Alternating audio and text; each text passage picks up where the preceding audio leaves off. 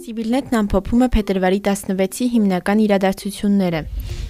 Վարազդատ Կարապետյանը ազատման դիմում է ներկայացրել Չինաստանում Հայաստանի Հանրապետության առևտրային ներկայացուցչի պաշտոնից։ 2020 թվականի նոյեմբերի 25-ին իմ քայլը խմբակցության падգամավոր Վարազդատ Կարապետյանը մանդատից հրաժարվելու դիմում էր ներկայացրել եւ գործուղվել էր Չինաստան։ Հրաժարվելով Չինաստանում Հայաստանի Հանրապետության առևտրային ներկայացուցչի պաշտոնից հասկանում եմ, որ հիմա Չինաստան գնալու ժամանակը չէ։ Հիմա մեր երկրում մնալու ու այս խայտարակ պարտության դաժան լուծը համախոհների ու զինակիցների հետ քաշելու ժամանակն է, գրել է նա։ Նա հայտնել է, որ այժմ ընկերների հետ ստեղծում է ազգային արժեքների տարածման, ամրապնդման ու զարգացման հիմնադրամ։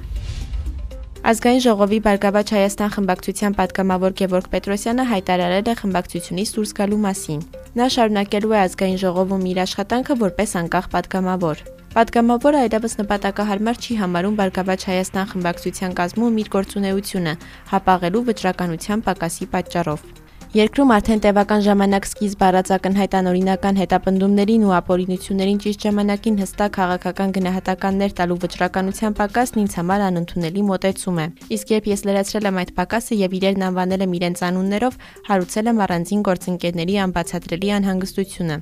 Շնորհակալ եմ Վարկավաճ Հայաստան կուսակցության խմբակցության իմ սրտացավ գործընկերներին համատեղ աշխատանքի համար գրել է Պետրոսյանը։ Ադրբեջանական կողմը մատաղիսի հատվածում հայկական կողմին է փոխանցել եւս մեկ զինծառայողի աճյուն։ 3 փետրվարի 15-ին Հադրութի շրջանում իրականացված որոնումներն արդյունք չեն տվել։ Զոհված զինծառայողների մասունքներ չեն հայտնաբերվել։ Փոխարենն ադրբեջանական կողմը մատաղիսի հատվածում հայկական կողմին է փոխանցել եւս մեկ նախնական տվյալներով զինծառայողի աճյուն։ Նրա ինքնությունը པարզ կլինի դատաբժշկական փորձաքննությունից հետո, հայտնում են ծառայությունից։ Իրան-Հայաստան խորհրդարանական բարեկամական խումբը առաջիկայում կայցելի Հայաստան։ Այս մասին հայտնել է Հայաստանի Հանրապետության ազգային ժողովի գիտության, կրթության, մշակույթի, սփյուռքի, երիտասարդության եւ սպորտի հարցերի մշտական հանձնաժողովի նախագահ Մխիթար Հայրապետյանը։ Պատգամավորը տեղեկացնում է, որ հերախոսազրույց է ունեցել Իրան-Հայաստան խորհրդարանական բարեկամական խմբի ղեկավար Սեյեդ Մահդի Ֆաշադանի հետ, որի ընթացքում անդրադարձ է կատարվել երկկողմ համագործակցության հետագա զարգացմանն ու ընդլայնմանը վերաբերող հարցերի։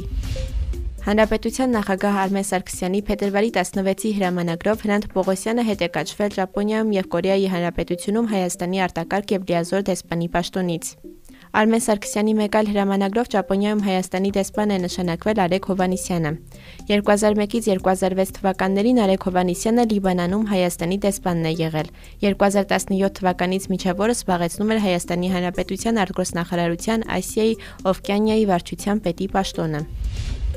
Փետրվարի 16-ին Ճապոնիայի կառավարությունը որոշել է օժանդակություն տրամադրել Ղարաբաղյան պատերազմի արդյունքում ցակած մարդասիրական աղետից հետո Հայաստանին հատկացնելով 3.6 միլիոն, Ադրբեջանին 1.2 միլիոն դոլար։ Ըստ Ճապոնիայի արտաքին գործերի նախարարության օգնությունն ուղղվելու է կացարանների վերանորոգմանն ու բժշկական օգնությանը։